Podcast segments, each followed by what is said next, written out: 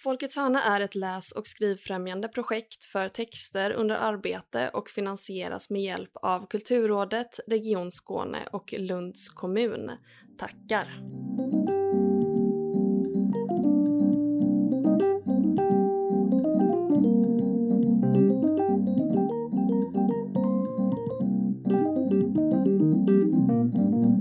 Hej och välkomna till Folkets hörna, en podd om den skrivande praktiken.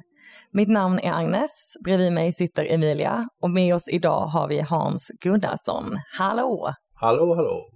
Eh, du är både bok och manusförfattare. Du skriver noveller och romaner. Förra året kom du ut med novellsamlingen Bor man i Bromma där novellerna är skrivna från ett vi och där varje novell har utgångspunkt i en målning av Martin Wikström. Eh, hur kommer det sig att du landade i det perspektivet? Eh, flera skäl håller jag på att säga. Det var så att jag bestämde mig för att efter att ha skrivit ett antal romaner så kände jag en lust att återvända till novellen som form. Och eh, då ville jag också ta ta ett steg åt sidan eller vidare. Eh, och det började med att, att jag ville tvinga mig själv tillbaka genom att engagera Martin Wikström och jag förhörde mig om han tyckte det var okej okay att eh, jag lånade några av hans målningar, eh, vilket han tyckte var jättekul. Eh, och och då hade jag så att säga point of no return i, i någon mening för att jag var tvungen att bara fullfölja det här. Men det andra var att, att, att, som jag sa, att jag ville försöka ta ett steg vidare och utmana mig själv. För det är ju liksom, skrivare handlar ju om att utmana sig själv. Man vill liksom inte upprepa sig själv även om man eh, kanske har svårare att eh, springa ifrån sig själv än man i förstone kanske tror.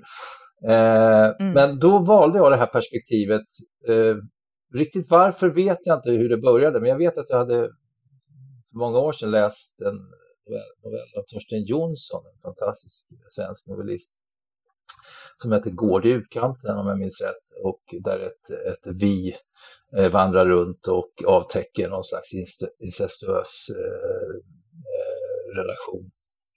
Eh, och det är någonting med begränsningar och skrivande som är intressant. Att, att eh, genom, genom begränsningen skapar man också en slags frihet. Men de mm. första två novellerna eh, som jag skrev i detta perspektiv eh, kändes eh, faktiskt väldigt... Eh, eh, jag insåg nog, nog att jag, jag, jag eh, hade tagit mig vatten över huvudet. Mm. Det, var för trögt. Det, det liksom, jag, jag klarar inte en hel novellsamling i det här perspektivet. Men tjurskallig som jag så fortsatte i alla fall med ytterligare en novell och sen blev det den där berömda ketchup-effekten på något sätt. Att det bara välde fram och det som var problematiskt blev plötsligt eh, lustfyllt eh, och eh, jag, jag, jag, kände att det var bara att knata vidare. Och den ena novellen efter den andra kom till mig. Just genom perspektivet kanske också. Så att där började det alla de här novellerna, det här viet som finns, alltså de betraktar ju på något sätt en annan person. Eh, alltså de har en blick på, alltså det är ett, ett, ett slags kollektiv men de betraktar nästan alltid någon annan. Och genom det här betraktandet så får man ju syn på viet också. Och de är ofta ganska typ är lite, lite osympatiska eller lite sådär. Man, man liksom förstår att oj men här ligger det någonting under eh, ja, under ytan liksom och, och bubblar och sådär. Eh, hur skriver man fram en karaktär genom andra karaktärer? Förstår du frågan? Ja, absolut. Och eh, det där är något som har intresserat mig eh, under alla år i skrivandet. Det är ju att, att eh, genom att låta någon, eller som i det här fallet en hel grupp, försöka avtäcka eh, någonting eller, eller eh, lösa ett problem eller, eller försöka se ett problem, konstruera ett problem många gånger, så avtäcker man sig själv, eller gruppen avtäcker sig själv i lika hög grad som de tror att de avtäcker eh, det de har förutsatt, förutsatt sig att, att, att avtäcka. Eller det de upplever som, som en konflikt eller problem. Så att, och det tycker jag är ett väldigt roligt sätt att jobba med, att, att, eh, att låta eh,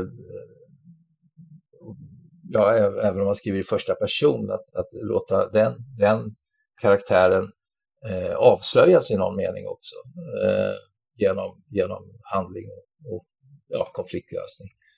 Jag tänkte, vi läste också precis, eh, jag och Emilia, All Inclusive, din roman. Mm. Eh, där är det lite samma grej också. Mm.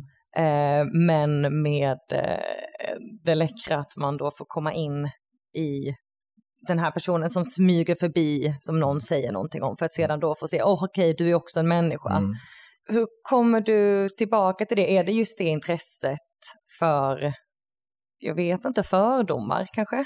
Ja, i någon mening är det väl så. Vi alla har ju våra fördomar och, och eh, det är ju så när man försöker eh, berätta en historia så vill man också försöka gestalta eh, sina karaktärer och eh, eh, Eh, då måste man liksom komma, komma, komma åt dem, eh, kanske inte genom sina egna tankar och fördomar utan det, det är liksom, jag, jag försöker skriva mig fram till eh, vilka de här människorna är egentligen. Och därigenom överraskar jag mig själv också att eh, vad fan, är det, är det så här du är? Är det så här du tänker? Jag kan ju vara väldigt sådär lojal, eller jag försöker alltid vara lojal ända in i väggen med, med mina karaktärer, men ibland så, så, så blir jag ju överraskad på ett sätt som jag jag kan, alltså, är du sån här? Ja, okej, okay, men då får du vara så. Mm. Det, att de berättar eh, saker om sig själva för mig som författare. Det är jag som skriver fram dem, men det är som att vi har en dialog till slut med varandra. Det, eh, men det är den processen, det är så jag jobbar. Jag, jag vet väldigt lite på förhand eh, vart jag vill landa en historia. Det, många gånger mm. vet jag var jag vill börja den kanske, men vad som ska hända sen, det, det liksom får, får eh, handlingen utvisa. Liksom. Det, det kan låta som ett, mm. som ett eh, komplicerat eh, modus, men, men det, det, det, det, är så jag funkar. Jag kan inte tänka ut en hel historia, en hel roman på förhand och sen skriva ner den. Dessutom skulle det vara rätt tråkigt att göra, jobba på det här sättet, tycker jag. Jag kan själv bli förvånad när jag, när jag tittar tillbaka på vad jag gjort, att är det verkligen jag som har skrivit det här? Som i Bårman i Bromma till exempel så kände jag är det verkligen jag som har skrivit de här historierna? Det är som att de mm. skrev sig själva på något sätt just, eller just dessa kollektiv som skrev fram historien. Du nämner här din skrivprocess. Kan du inte berätta lite mer om hur den ser ut? Eh, det lät lite som på det innan att i alla fall att det är någon slags form som ibland kommer före berättelsen. Eller som föregår berättelsen för att sedan låta berättelsen träda ja, fram.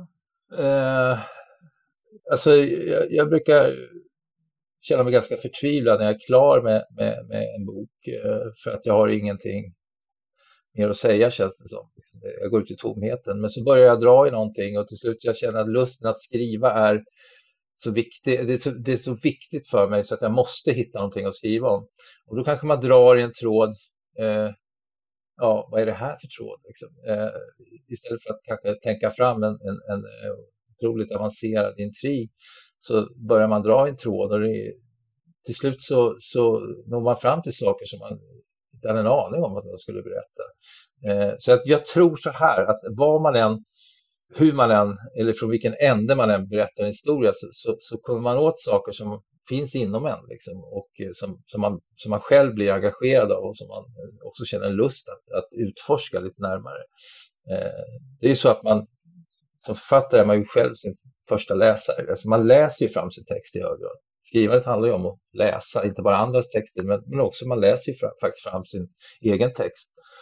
Och eh, ja, känner när det bär och när det kanske inte bär och så vidare. Så att, eh, det, det, det, är ett långsamt eh, tragglande. Men det är de där benådade, benådade ögonblicken där, när man känner att eh, eh, det, här, det här bär, då är det roligt.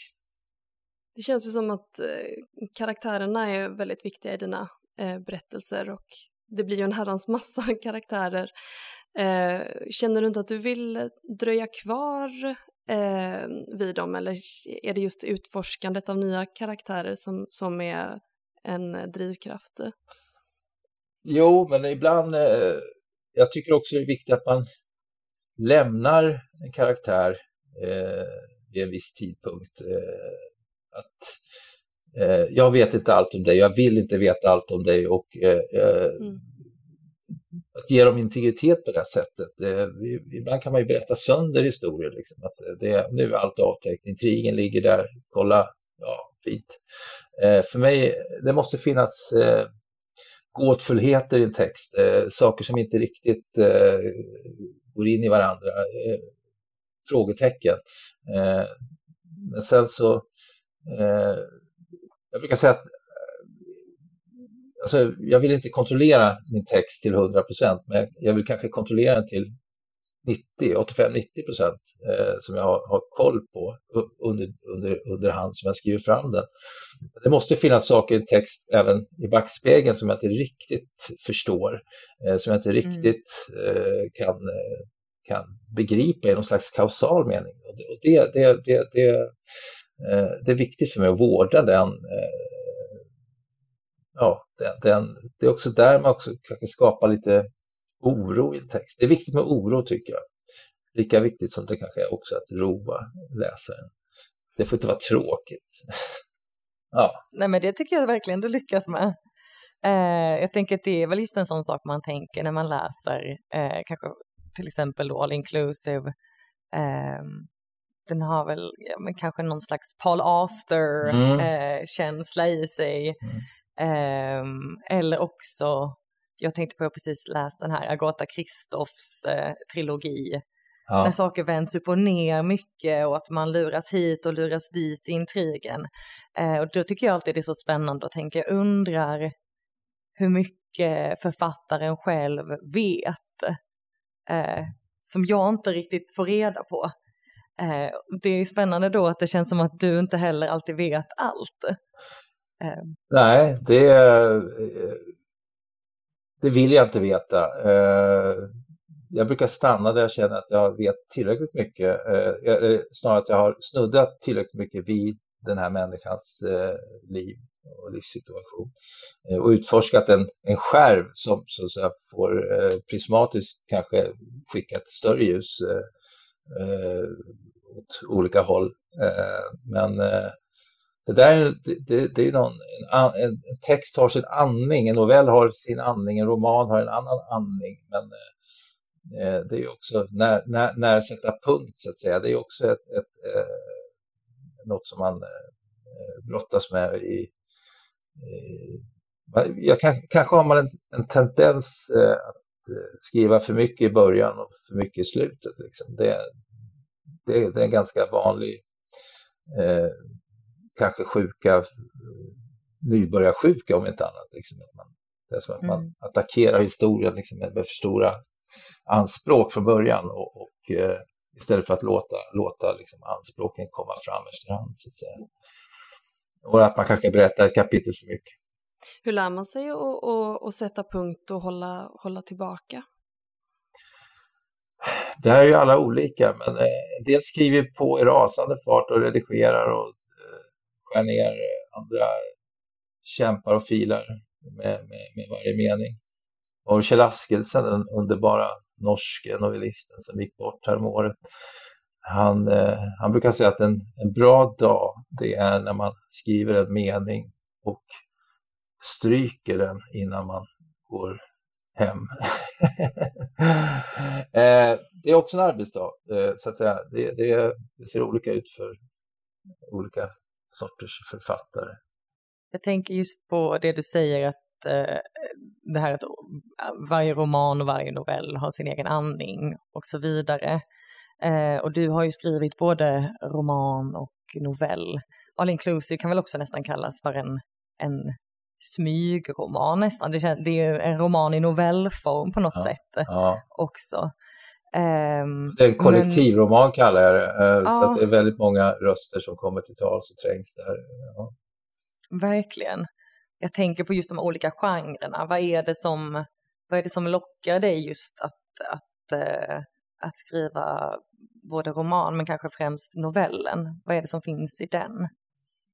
Det är olika lopp Alltså novellen, det var ju så jag började som författare och då, när, jag, när jag debuterade så trodde jag aldrig att jag skulle skriva en roman. Jag var helt övertygad om att jag skulle förbli i novellens form. Men sen så, ja, det, det blir ju aldrig som man har tänkt sig och man söker också nya utmaningar. Och, eh, och sen blev det väldigt många romaner, men framförallt också en hel del kollektivromaner. Eh, jag skrev en eh, roman som heter Någon annanstans i Sverige för några år sedan och sen så eh, som du nämnde då, All Inclusive som är båda är slags kollektivromaner där man tar temperaturen på eh, en liten by eh, respektive en hotellresort eh, och hur lyckliga är människorna där?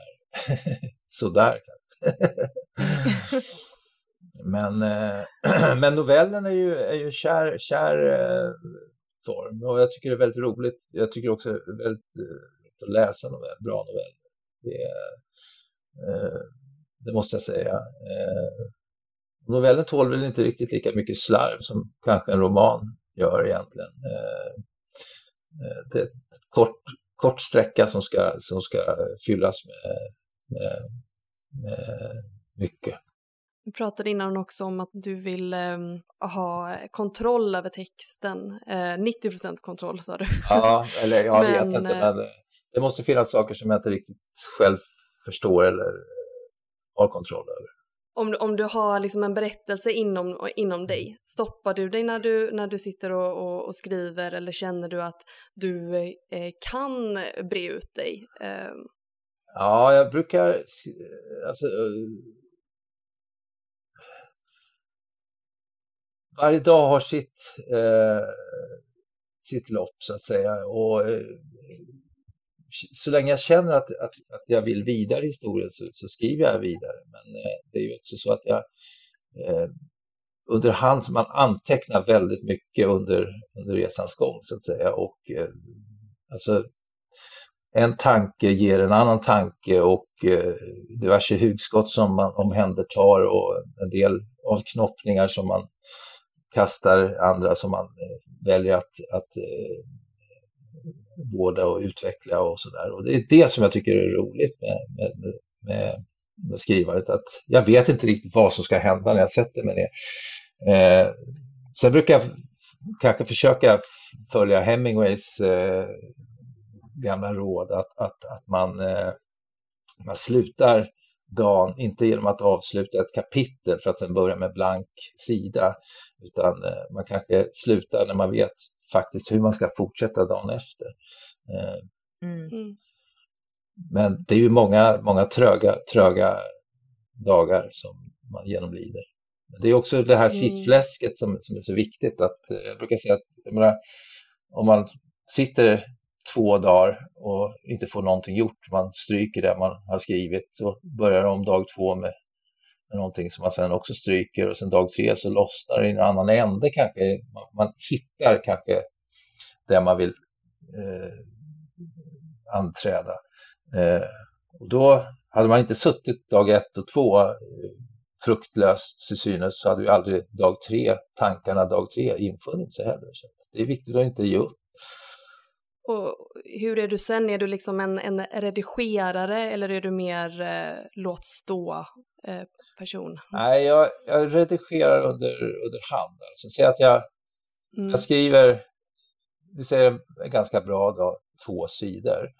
Eh, så börjar jag alltid eh, nästa dag med att eh, gå igenom de två sidorna ordentligt eh, och tills jag känner att ja, men, jo, men, nej, men det, det, så här, så här, så här får det vara, nu går jag vidare.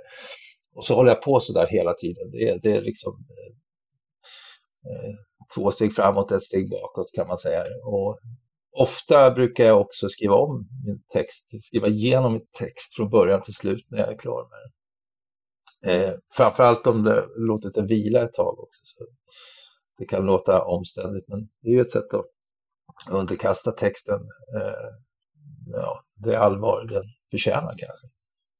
Tänk tänker att det låter på dig som att eh, skrivandet för dig måste vara, eller att du vill att det ska vara utmanande och lustfyllt. Ja, alltså det är jätteviktigt för mig att eh, jag har en käpphäst och det är att jag måste överraska mig själv när jag skriver. Eh, för gör jag inte det så vet jag att jag heller inte kommer att överraska någon läsare. Eh, sen kan texten vara hur habil som helst, men det, det svänger inte. Eh, och det, det, det är ett, eh, ett mått på, jag, när jag pratar om eh, att utforska någonting. Eh, och att utforska någonting det är ju att komma närmare någon san en sanning eller vad, du, vad du vill kalla det eh, som, som, som du inte riktigt eh, hade förstått innan du satte dig ner och skrev. Eh, om man visste på förhand vad man skulle skriva eh, A, B, C, D och så vidare eh, då är ju risken också att man kanske glömmer just det momentet att, att dröja och utforska vid respektive scen. När man har ett dramaturgiskt eh, otroligt starkt bygge. Men eh, alla de här irrationella elementen som jag tycker en text mår bra av eh, kanske man glömmer bort då. Man skruvar ihop det lite för snyggt. Liksom. Det, det, kan också göra texten lite för sluten och för uttänkt och för, eller snarare för framtänkt. Liksom. Det, eh, det är otroligt härligt att, att, att plötsligt inse halvvägs i en roman att man, ja men det är ju så här det ska vara. Och det här att, att, man, att, man, eh, att man går åt det hållet istället för kanske det man lite grann hade planerat att gå åt.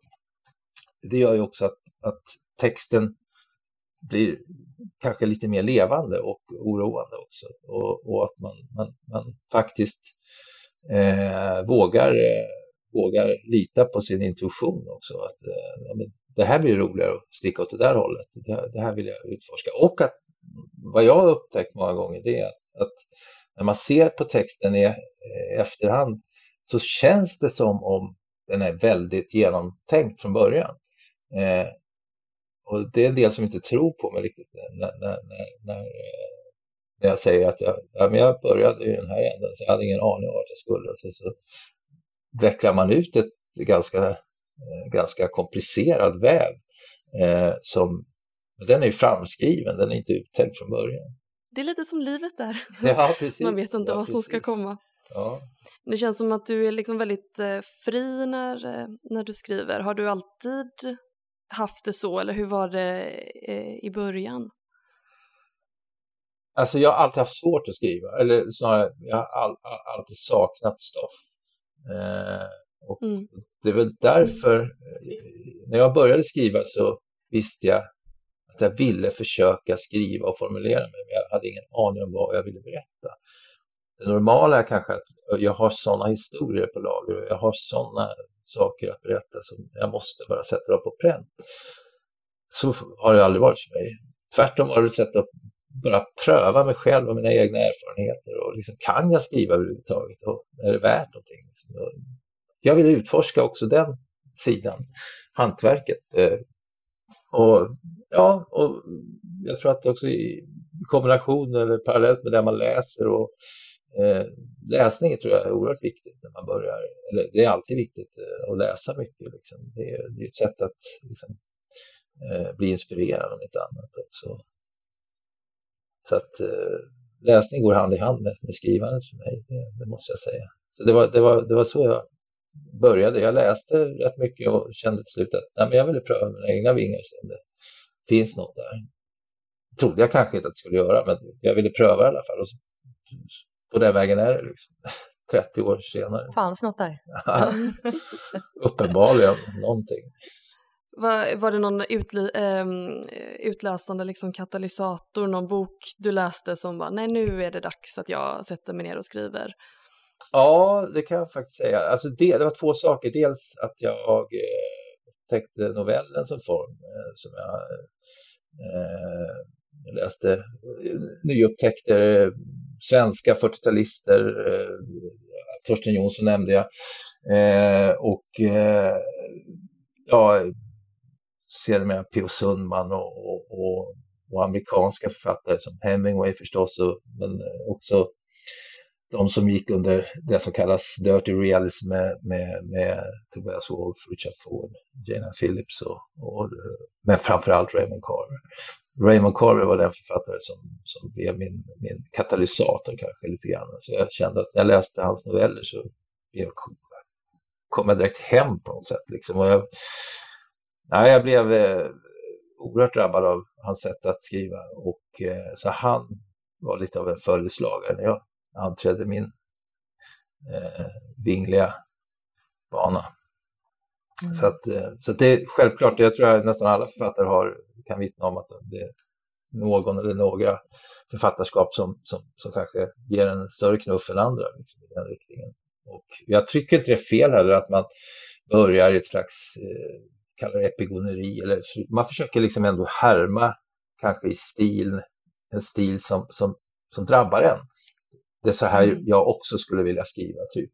Eh, eh, det är inte fel för jag menar fortsätter du på den inslagna vägen till slut hittar du på vägen din, dig själv liksom, och din egen stil. Eh, är jag ganska övertygad om.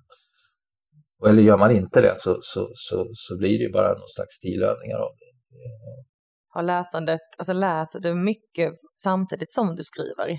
Eller är läsandet någonting som sker apart från skrivandet? Ja, jag har ju alltid någon bok eh, på gång, eh, så är det ju. Men man kan säga så här, man är i vissa intensiva skrivperioder när man är mitt uppe i en roman och bara har den febrigt högt upp i huvudet i alla situationer man befinner sig i mer eller mindre. Då, då läser jag nog mindre än, än mellan böcker och eh, Eh, men läsandet är ju en slags livsluft. Eh, det är, det är ju, jag förstår inte hur livet skulle se ut om man inte hade, tillgång till böcker. Det, så det är viktigt. Mm. Men du har ju också skrivit eh, eh filmmanus. Mm, det är en annan eh, historia, precis. Ja. Det är en helt annan historia. Ja. Men eh, jag tänkte på, eller vi pratade också om det, alltså skillnaden i att skriva prosa och att skriva filmmanus. Hur, är det två helt olika världar eller finns det något eh, alltså, överlappande i dem? Eh, det, det, är två helt olika världar. Men visst, det finns ju beröringspunkter på scenisk nivå kanske, dialog, skriva till exempel. Eh, det, det,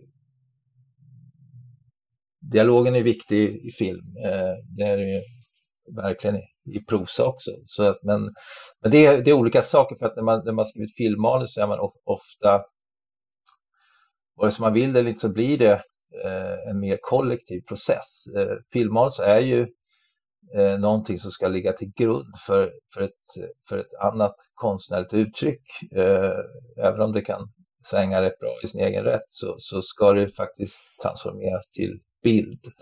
Eh, så att eh, jag, jag har både positiva och extremt negativa erfarenheter av filmbranschen. Så att den, den är, ja, det, jag är väl inte ensam om att bråka om den heller. Så att, men det, det, det kan vara otroligt lustfyllt och roligt när man, man jobbar tätt i, tillsammans med en regissör och man, man drar åt samma håll och delar en vision. Men, men eh, mm.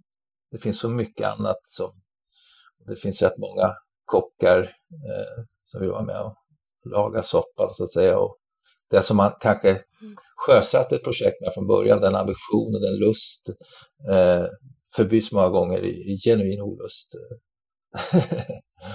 mm. Okay. Mm. Då, då, kan det vara väldigt skönt att stänga dörren om så bara, nu är det jag, det är ingen annan som sitter på min axel eller ringer mig eller vill någonting eller har synpunkter på någonting utan då sitter man i ett år eller två år alldeles ensam. Så man måste gilla ensamhet som författare, det tror jag. Det, är en förutsättning. Mm. Gör du det? Ja, jag trivs rätt det bra var ju tur. ensam. Um, när du var på um, Folkets hörnas scen så delade du med dig av en, uh, var inledningen till ditt uh, nya projekt som jag mm. förstod det som skulle, en ny bok, roman, uh, som ska komma ut ganska snart va? Nej, Eller... den, Nej? den är planerad till nästa vår. Så att, Relativt snart. Så det var ju verkligen det jag läste, det, det, det var purfärskt kan man säga då Eh, även om det var inledningen till romanen som jag läste som inte var purfärsk. Det låg väl ett år tillbaka i tiden. Men eh, mm. jag, eh, det, tanken är att avsluta eh, den trilogi som påbörjades med All Inclusive som ni nämnde.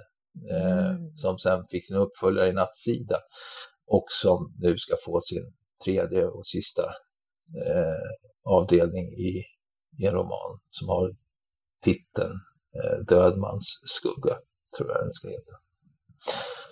Och jag kallar hela den här trilogin för Den dödliga komedin. Eh, Mm. Det tycker jag är en ganska passande eh, eh, titel för helheten. Mm. Mm. Och kanske också ett Det slags... är ju mycket död och mycket komedi.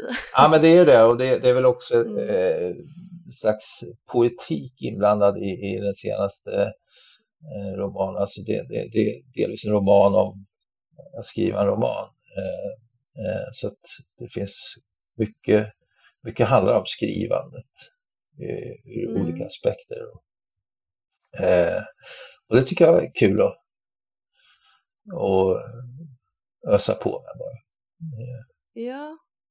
Jag tänkte på det att det, jag tror både i det som du läste upp Folkets hörna och i All Inclusive så är det väl lite sådär skrivkrampssnack liksom. Ja, Men det känns inte som att du har skrivkramp. eh, Nej, men det Särskilt kanske är en ofta. besvärjelse att man, man min känsla är att jag när som helst kommer hamna där mina karaktärer eh, sprattlar i det garnet. Eh, All Inclusive har, det är ju författaren C.G. Göransson som, som vi får följa.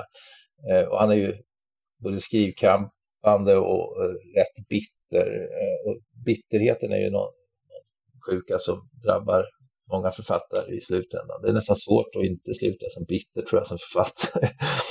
Men eh, det får man leva med. Eh, man kan göra någonting av bitterheten också och då, då kan man ju hantera, hanter, försöka hantera den litterärt istället för att bara vara bitter. Och, eh, och då kan det också bli väldigt roligt, tycker jag. Bittra människor är väldigt roliga människor. Jag ju, har, Mm. har ju en förkärlek för, liksom, kallar det eller liksom alltså antihjälten, är mycket roligare än, än den här otroligt präktiga, duktiga hjälten. Liksom. Det, det, så, så, det är väl också ett slags blick på, på tillvaron i stort som skiner igenom i mitt skrivande. Dystopiskt men också jävligt roligt. Lallande väg till undergången ungefär sådär. Hur, hur kommer det sig att det blev just eh, All Inclusive som, eh, och Nattsida då, som blev eh, någon slags trilogi? Eller något som du ville känna att du liksom kanske inte då var klar med? Eller? Nej, det är precis det då. Och jag menar, utifrån vad jag sa tidigare så All Inclusive påbörjades med en titel och ett omslag. Jag har aldrig börjat i den änden någonsin.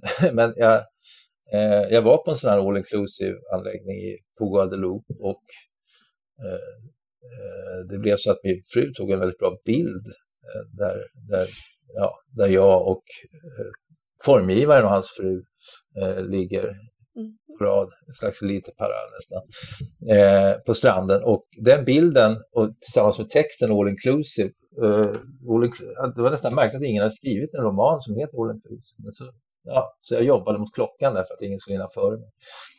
Men, eh, och, det, och den blev vad det blev och eh, sen så fick jag lust att skriva en uppföljare och, eh, och nu fick jag lust att liksom, ta ett sista varv om möjligt. Liksom. Så får vi se vad, vad läsarna tycker om det.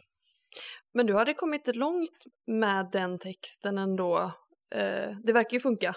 liksom. Ja, eh, det, det, det är ju... Eh, det, det, är ju, det är ju jag skriver ju texter utan slut i dem. Det, det, Mm. det,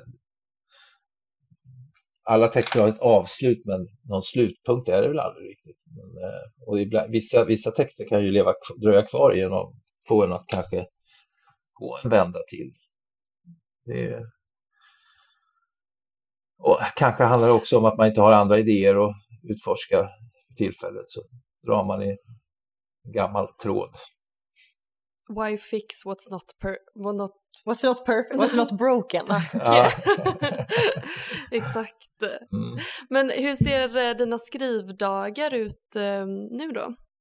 Just nu är jag eh, lite eh, mellan, mellan jobb kan man säga. Jag, eh, jag har hållit på med lite filmmanus och eh, men i och med att jag blivit klar, strandat den här romanen eh, så eh, då kliver man bara ut i en total tomhet. Liksom. Man, man kan inte liksom bara sätta sig upp och påbörja något nytt utan då får man göra andra saker, skriva andra saker och läsa mycket framförallt. Så att jag är lite mellan, mellan eh, jobb just nu kan man säga. Jag, ja, jag har att göra ändå. Men om du skriver, hur ser en, en bra skrivdag ut för dig? Den är ju att jag vet, eller att jag kliver in i någonting som jag som, och vill fortsätta på någonting som jag har påbörjat och känner att jag, jag utvecklar den här historien i rätt riktning. Liksom. Det, och det, det kan vara en eller två sidor, ibland tre sidor, eh, som jag känner att det här, det, här, det här tror jag på, jag vill vidare nästa dag. Det är en bra skrivdag. Det, mm. Så att eh, en bra skrivdag föder en fortsättning, eh, en lust på en fortsättning. Mm om man inte råkar skriva, avsluta just en roman eller en novell den dagen. ja, då är det tomheten istället. Då är det tomheten, total sån här postproduktionsdepression som inträder långsamt ja. också. Man mår lite dåligt. Alltså. Det, ja. Mm. En sorgeprocess kanske, mm. någonstans. Hur känner man eller hur vet man när man ska sätta, sätta igång igen? Ja, man måste bara, eh, det känner jag aldrig. Eller jo, jag, jag, jag gör det för att jag, jag känner att jag måste komma igång med någonting. Men det är inte så att jag, eh, ytterst sällan jag får liksom den här eureka-idén, eh, liksom, att ja, men det här ska jag skriva om. Utan ja, till slut börjar jag, bara, jag måste dra i någonting och sen så sätter jag mig ner och vänder och rider på någonting. Och det, till slut kanske jag känner att jag får någon, kan öppna någon dörr till, till, till någon historia. Och, så det är en ganska trög process det där. Men jag känner liksom att jag måste tillbaka, jag måste skriva, jag måste tillbaka till prosen och så vidare. Det, eh, man mår bra om man har, har någonting för händer, så, så att säga. Nå, någonting som, man, som skvalpar runt i en skalle. Mm. Som vi har förstått det när vi har liksom gjort, gjort research på dig så verkar det som att du eh, liksom eh, nästan alltid har blivit väldigt väl mottagen för dina projekt och böcker och novellsamlingar och sådär. Mm. Eh, stämmer det? ja, det gör det väl. Eh, jag, jag, jag brukar få rätt eh, fin kritik för, för de böcker jag har släppt så här långt och eh, det är jätteroligt. Det är otroligt.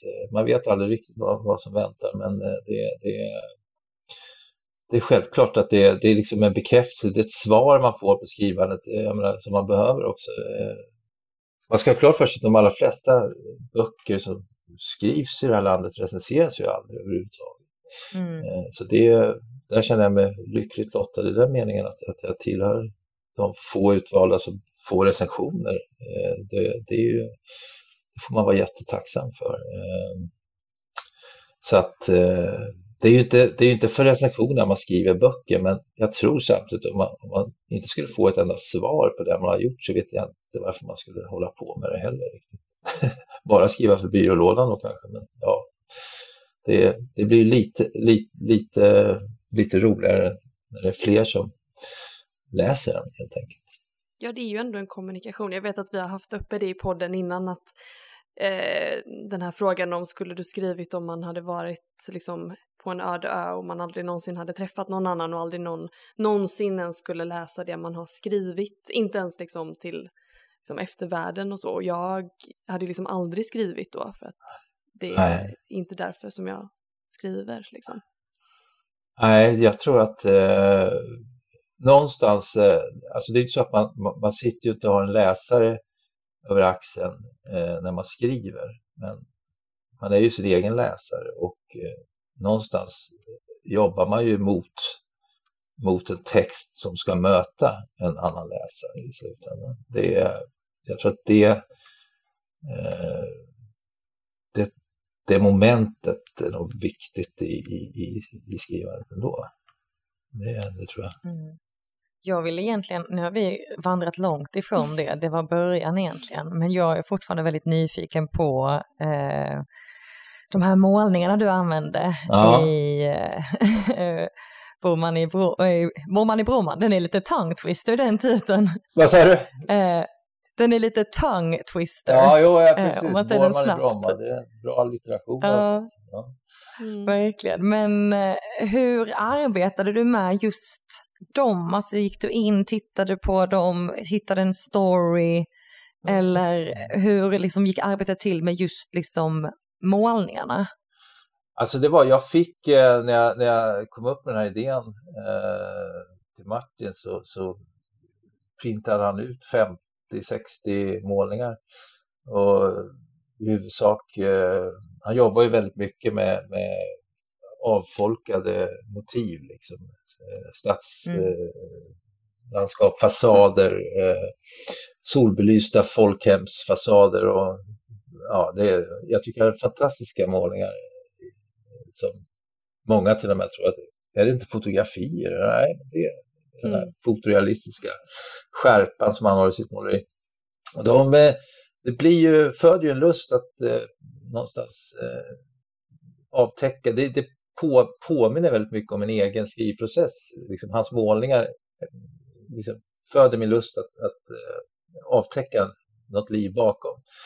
Sen kan det vara så att mm. vissa målningar skedde ju, valde jag parallellt med en historia som jag påbörjade så att det blev liksom en växelverkan till slut. Där. Eh, eh, det var inte så, så instrumentellt enkelt som att jag valde målning och, och nu satt och stirrade på den i två veckor och sen kom, kom bilder till kom mig. Det till dig. Utan det men jag, och målningarna i fråga är ju mer eller mindre explicit gjorda i mina texter. Ibland kan man få leta efter dem i texten, ibland är de väldigt tydliggjorda eh, på ena eller andra stället i texten så att man, man kan liksom identifiera eh, motivet. Eh, de är avfolkade och det, då är min uppgift att befolka dem på något sätt. Vad som sker mm. bakom, bakom de där fönstren. Så det var, det var roligt faktiskt. Jag förstår det. Um, jag tänkte med det egentligen knyta ihop säcken på ett snyggt sätt där också. Mm. Halvsnyggt sätt. Uh, jag tänkte fråga om det är något, uh, något du vill ta upp också Hans? Uh, Ja, eh, jag vet inte så här på rak arm. Jag, jag är lite te tekniskt strular inledningsvis som gjorde att man eh, tappade eh, all skärpa känns det som. men äh, nej, men eh, eh, nej, men är ni nöjda så är jag nöjd eh, med, med det här samtalet. Det var trevligt. Trevligt att mm. träffas. Detsamma. Tack så jättemycket och tack för att du har tagit dig tid och pillat med teknik och vad skönt att det funkat till slut. Ja. ja. Och ja. också tack för att vi eh, har liksom eh, upptäckt ditt författarskap nu och det känns helt underbart att veta att det finns massa för oss att läsa. Mm. Och att det kommer mer. Och att ja. det kommer mer. Ja. Mm. Mm. mm. ja, men det är roligt att höra. Mm.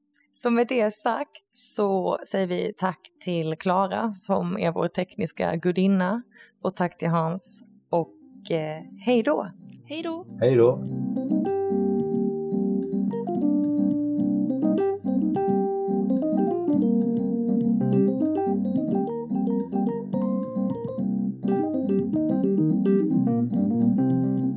Kul att ni har lyssnat på Folkets hörna. Har ni några frågor eller vill komma i kontakt med oss så kan ni mejla på hej och följ oss gärna på sociala medier, eh, Facebook och Instagram. Där heter vi Folkets hörna.